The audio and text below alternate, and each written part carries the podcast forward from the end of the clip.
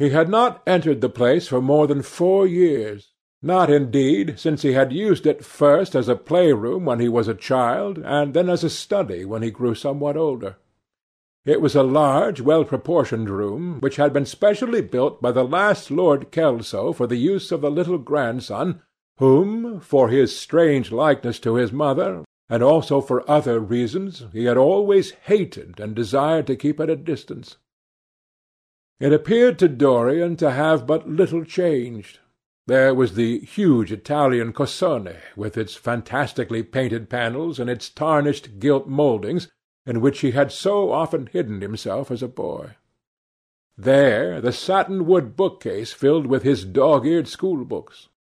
On the wall behind it was hanging the same ragged Flemish tapestry where a faded king and queen were playing chess in a garden, while a company of hawkers rode by, carrying hooded birds on their gauntleted wrists.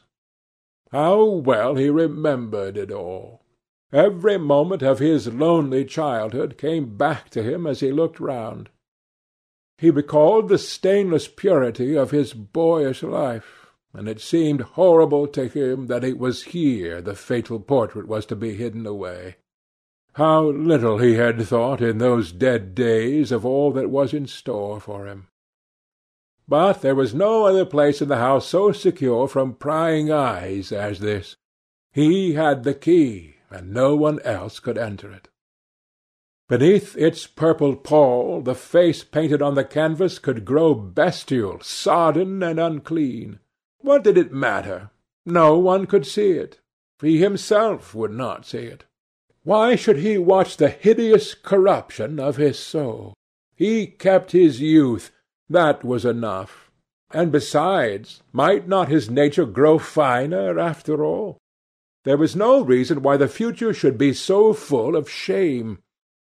Some love might come across his life, and purify him, and shield him from those sins that seemed to be already stirring in the spirit and in flesh, those curious unpictured sins whose very mystery lent them their subtlety and their charm. Perhaps some day the cruel look would have passed away from the scarlet sensitive mouth, and he might show to the world Basil Hallward's masterpiece. No, that was impossible. Hour by hour, and week by week, the thing upon the canvas was growing old. It might escape the hideousness of sin, but the hideousness of age was in store for it. The cheeks would become hollow or flaccid, yellow crowfeet would creep round the fading eyes and make them horrible, the hair would lose its brightness, the mouth would gape or droop, would be foolish or gross, as the mouths of old men are.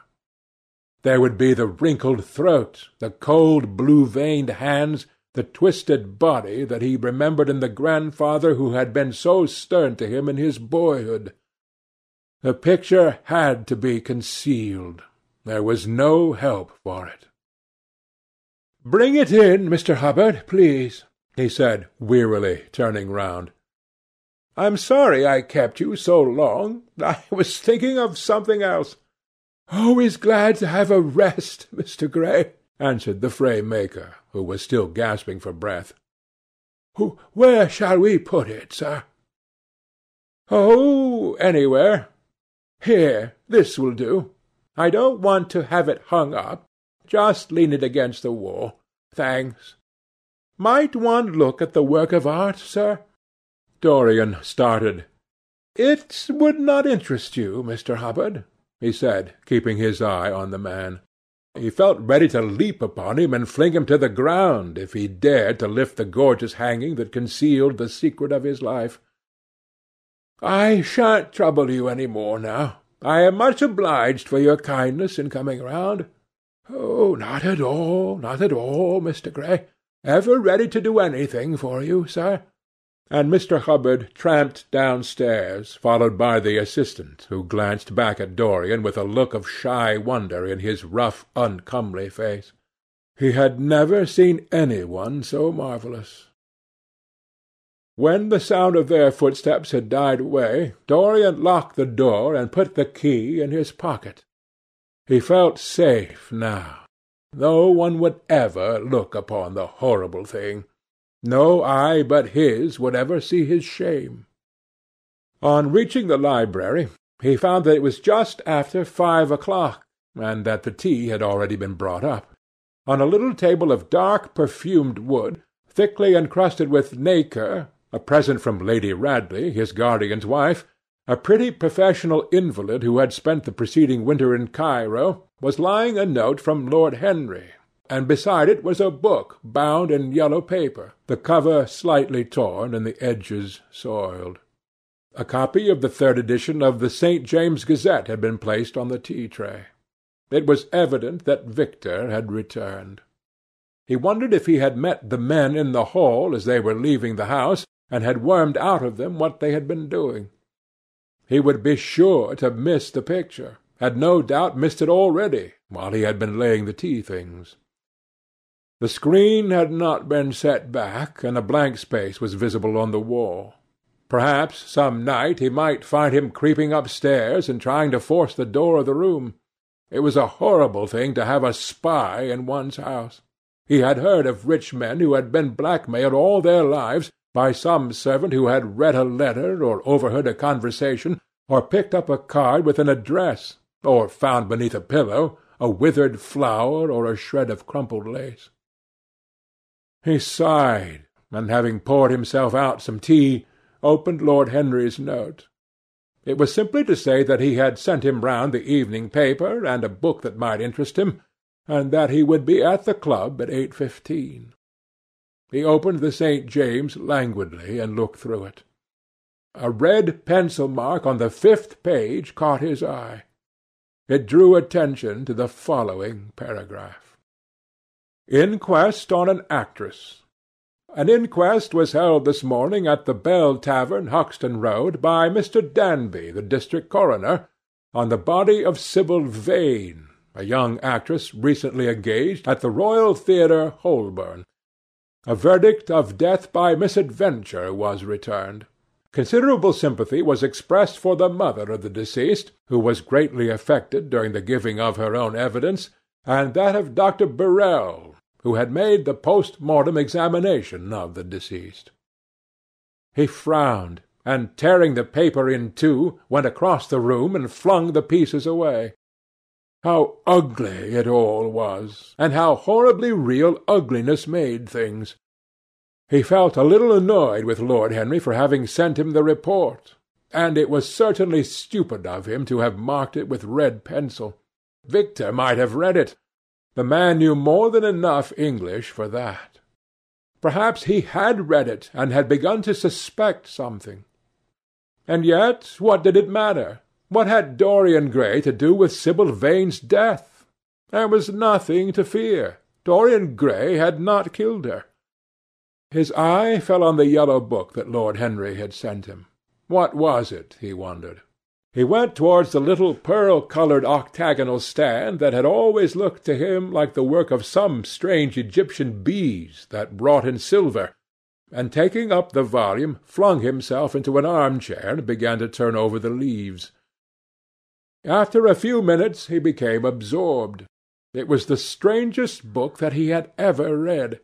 It seemed to him that in exquisite raiment and to the delicate sound of flutes the sins of the world were passing in dumb show before him.